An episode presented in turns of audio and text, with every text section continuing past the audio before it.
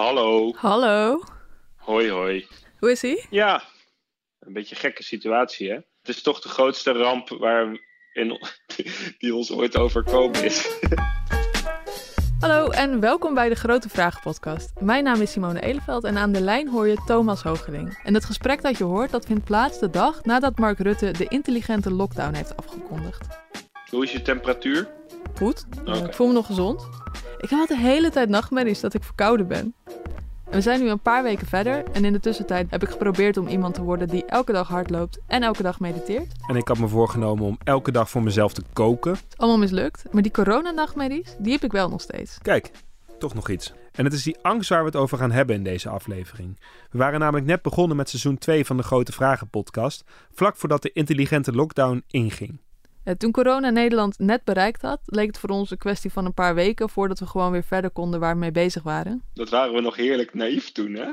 Echt zoiets van, oh, daardoor, oh, ja, dat, dat coronanieuws, dus over twee weken zijn we daar vanaf. En dan heeft iedereen het ook wel weer gezien. En dan gaan we daarna het EK voetbal spelen. Ja, Oh, lijkt zo lang geleden. Maar op een gegeven moment hadden ook wij wel door dat de situatie iets langer zou gaan duren. En al onze vragen leken op dat moment eigenlijk hopeloos achterhaald. En misschien nog wel belangrijker, lastig te beantwoorden als je je huis niet uit mag. Maar er was één vraag van een luisteraar die juist ineens extra belangrijk leek. Namelijk, is angst besmettelijk?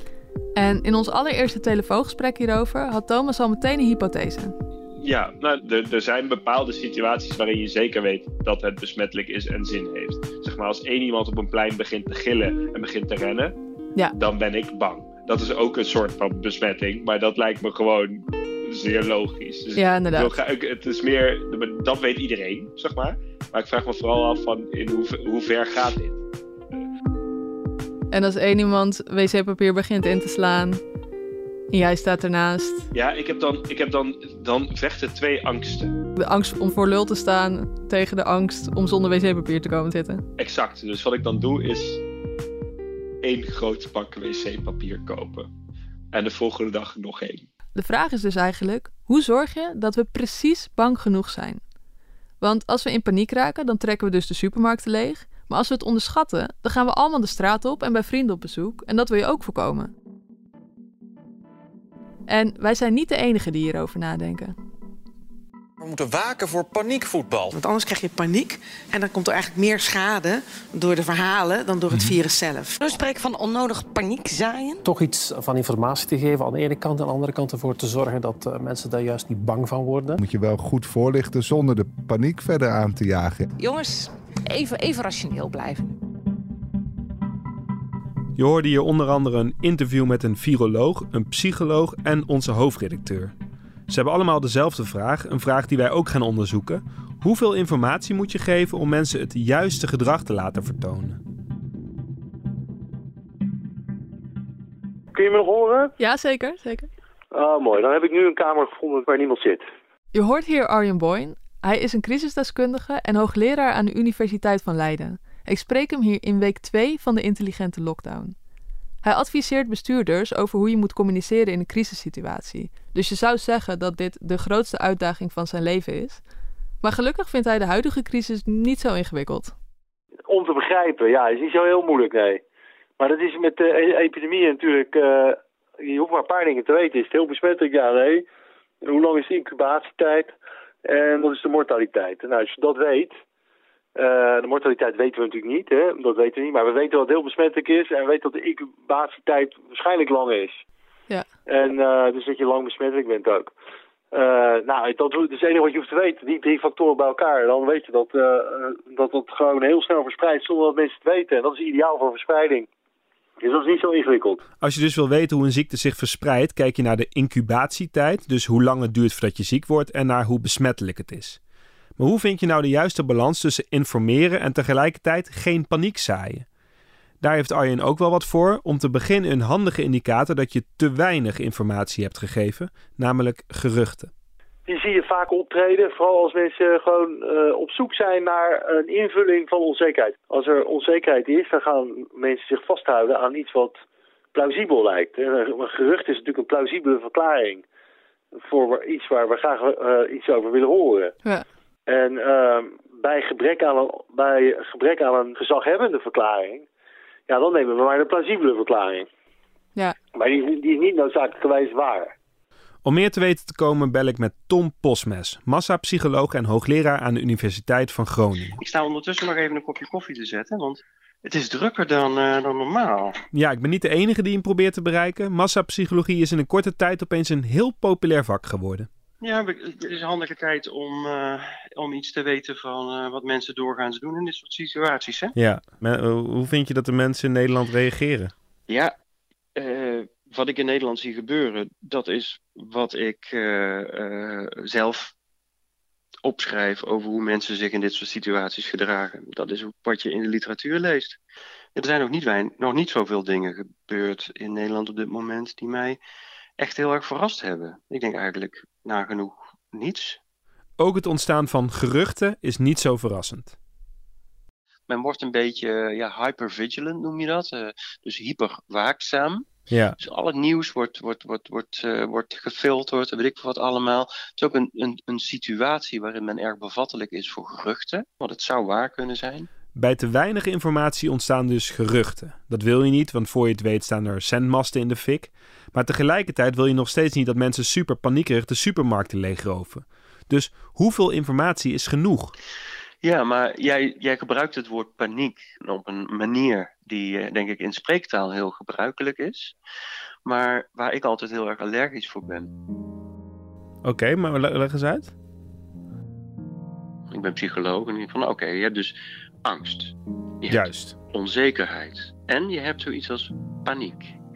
Wat is paniek nou precies? Nou, onzekerheid, dat is een situatie waarin je niet precies weet wat er gaat komen. Ja, dat is waar we nu een beetje in leven in ieder geval. Ja, eh, angst, dat is vrij concreet. En dan denk je, oké, okay, er gaat iets naars gebeuren, um, ik ben bang. Ja. Paniek is de overtreffende trap van angst. Dat is een situatie waarin die angst zo intens is, zo overweldigend, dat je eigenlijk de controle over je gedrag verliest. Ja, dat noemen ze dan misschien dat je niet meer helder kunt nadenken of handelen. Dat je daar... Ja, of dat je je, je, je, je, je eigenlijk uh, de loop laat aan je, je impuls, bijvoorbeeld om te vluchten.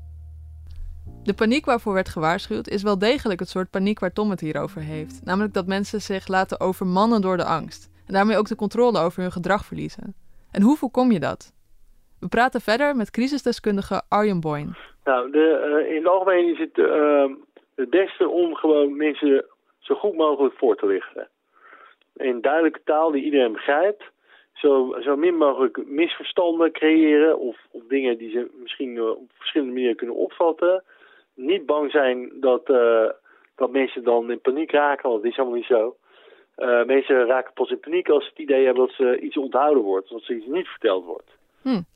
Dus we hoeven helemaal niet bang te zijn dat mensen in paniek raken? Uh, paniek, ja, kijk, weet je, als je uh, in die crisis- en rampenliteratuur, vooral de rampenliteratuur, er wordt daar heel, al heel lang onderzoek naar gedaan. Dus de sociologen hebben dat vooral gedaan. En uh, het begon er al mee in de jaren 50, de jaren 60 van de vorige eeuw. En dan ging ze ook, want dat had dan allemaal te maken met, uh, met, met de Koude Oorlog. En stel je voor dat er een uh, atoombom uh, wordt gedropt. Weet je, hoe gaat het publiek daarmee om?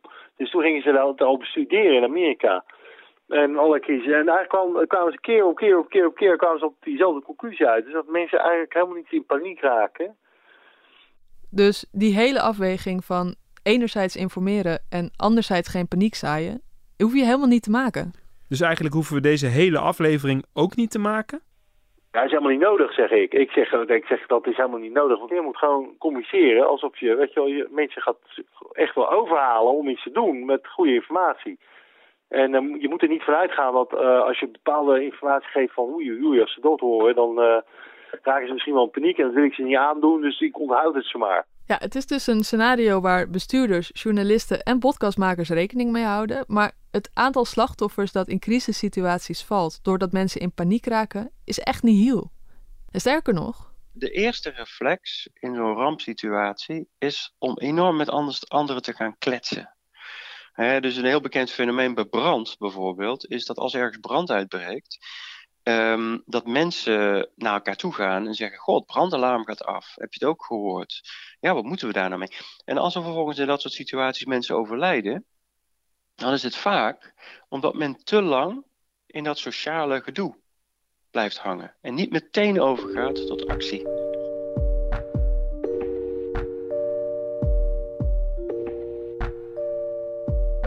Als er slachtoffers vallen, dan is dat eerder omdat we niet bang genoeg zijn en met elkaar gaan babbelen. Niet omdat we in paniek zijn. Maar als mensen niet in paniek raken, hoe verklaar je dan dat hamsteren? Ik uh, uh, het vermoeden heb dat misschien die winkel vanavond dicht gaat. En, en, en ik kijk eens om me heen en ik zie, ja, ik heb niet zoveel om, om, om wat vol te houden.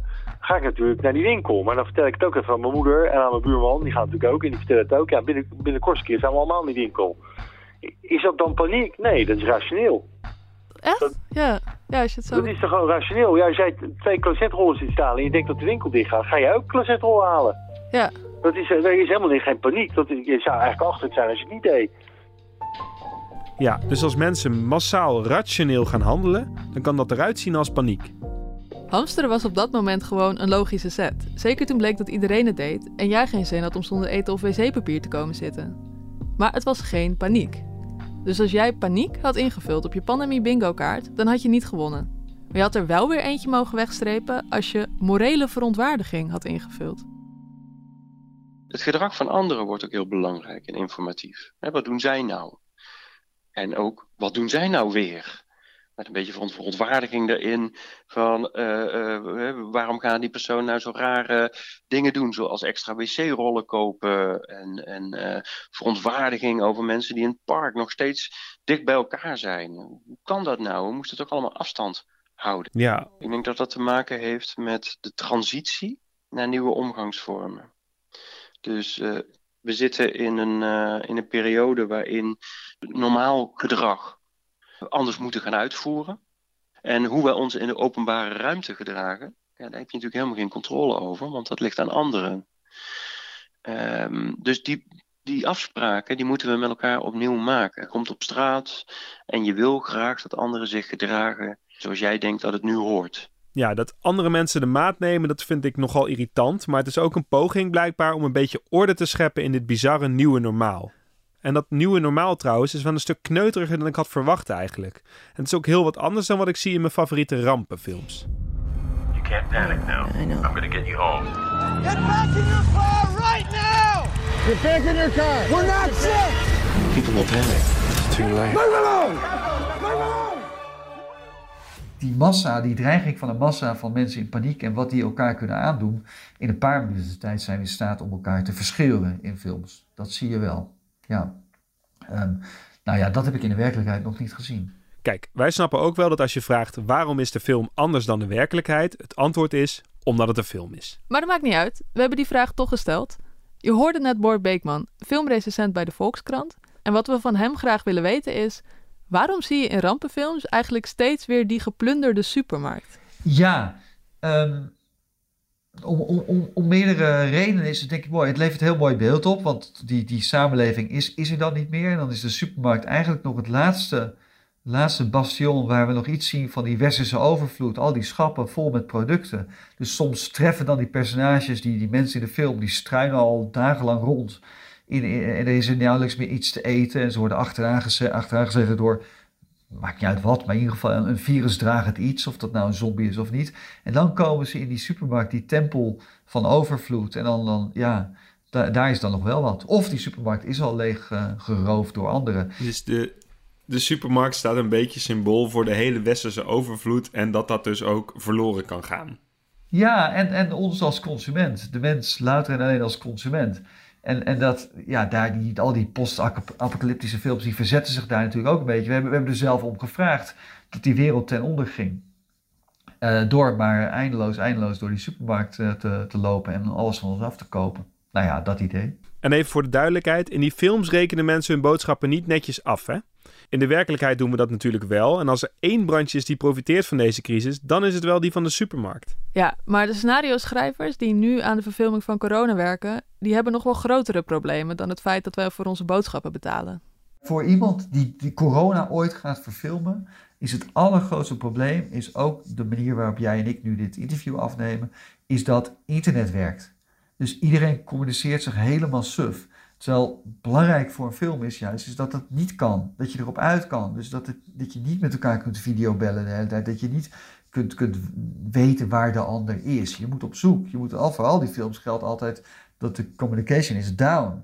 Dus je weet niet, ja, meestal is er dan nog een of andere rare, vage zender die, die een, maanden oude boodschap de ether instuurt van meld je bij dit punt. En dan kom je daar aan en dat is natuurlijk allemaal, alles al helemaal mis daar en iedereen is verdwenen of dood. Dat is nodig voor een goede virusfilm. Terwijl wij, ja, we zitten de hele dag op onze telefoon en op onze iPad met elkaar in, Zoom of Skype of wat dan ook. En dat is dodelijk voor de toekomstige verfilming van corona. Maar wie weet, misschien is dit de toekomst van de virusfilm. Dat we allemaal thuis zitten met onze goed gevulde koelkasten, druk bellend en zoemend met de andere personages. Want nu we dit allemaal hebben meegemaakt, lijkt in ieder geval het klassieke genre van de pandemiefilm niet echt meer houdbaar. Wat je ziet in die films allemaal is dat de sociale cirkel wordt ineens heel klein. Mensen denken uh, ja aan zichzelf, maar ook aan hun kinderen, vrouw, ook af en toe nog wel. Alhoewel die ook vaak achterblijft hoor. Het zijn toch nog wel vaak in thrillers de mannen die dan uiteindelijk de wereld moeten redden. En de vrouw zit om een of andere reden onbereikbaar ergens. Uh, nou ja, die moet gered worden.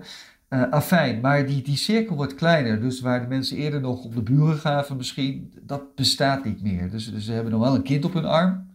Uh, en dat is het. Uh, en, en, daarmee moeten ze zich eruit redden. Dus, dus heel snel Um, dus mijn contact met jou, dat is niks meer. Ik bedoel, ja, het gaat nu even om mij en mijn kinderen. En dat, ja, en jou ken ik dan wel. Maar dat, ja, als we worden aangevallen door een virus of buitenaardse wezens, is dat niet meer van belang. In de film hangt het voortbestaan van de hele wereld dus af van één man met eventueel nog een kind op zijn arm. In werkelijkheid hoeven we daar gelukkig niet van te hebben. Terug naar Tom Posmes. Mijn voorspelling is dat je een enorm sterke behoefte ziet van mensen om te helpen. Dat is de normale disaster response. Dus die enorme behoefte om te helpen, die gaat werkelijk alle kanten op. En wat gebruikelijk is in zo'n fase, wanneer het echt een acute ramp is, is dat heel duidelijk. Dan stromen de hulptroepen van alle kanten toe. En bijvoorbeeld bij een ramp, dan zie je dat de, uh, de ziekenhuizen op een gegeven moment zeggen: Beste mensen, we hebben geen bloed meer nodig. Helaas zijn we nog niet zover dat ziekenhuizen zeggen: beste mensen, we hebben geen mondkapjes meer nodig. Maar de behoefte om te helpen zie je overal. Er zijn wel degelijk veel meer mensen die aanbieden om boodschappen te doen en op kinderen te passen, dan dat er vraag naar is. Ja, dus we schieten elkaar te hulp, we gaan lekker babbelen en we raken niet in paniek. Als je mij één week voor de lockdown had gevraagd om een paar voorspellingen te doen, dan had ik geen van deze dingen kunnen noemen. Terwijl ik een van die mensen was die ontzettend niet in paniek aan het raken was.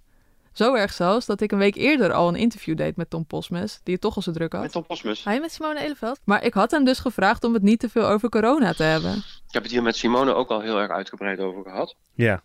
Zonder het uh, woord corona al te veel te gebruiken. Ik was dus echt bang dat iedereen tegen deze tijd corona zou zijn. En dat, dat zijn we waarschijnlijk ook. Maar we zijn er helaas nog lang niet klaar mee. Maar we zijn in ieder geval niet in paniek. En we onderschatten het gevaar ook niet meer. Het blijkt dat als je mensen gewoon alle informatie geeft, dat iedereen dan prima zelf een inschatting kan maken. Of nou ja, iedereen. Ik, heb, ik voel zelf geen angst. Zeggen, ik ga er ook niet, ik ga er niet aan overlijden. Er zijn denk ik in mijn omgeving geen mensen die aan gaan overlijden. Dus, Hoe oud ben jij? Ik ben uh, 33. Hm. Ga je me nu vertellen dat ik er wel aan ga overlijden? Ja, ik hou, zou er rekening mee houden dat het zou kunnen. oh. Oh, dat zou. Ja. Je luisterde naar de Grote Vragen Podcast, een podcast van de Volkskrant. En normaal zou ik hier de volgende aflevering aankondigen, maar we hopen de andere afleveringen toch iets meer buitenshuis op te nemen, dus die laten nog heel even op zich wachten. In de tussentijd kan je ons wel helpen door een recensie achter te laten. En als je ons wil bereiken over wat dan ook, met een vraag of een reactie of een tip, dan kan dat op podcasts.volkskrant.nl. Deze aflevering werd gemaakt door Simone Eleveld en door mij, Thomas Hoogeling. De eindredactie werd gedaan door Corine van Duin. Met dank aan Arjen Boyn, Tom Posmes, Agnete Fischer, Anna van der Bremer en Bor Beekman. En ook aan alle mensen die ons hielpen voor we besloten deze aflevering helemaal om te gooien. Bedankt voor het luisteren en wat je ook doet, raak vooral niet in paniek.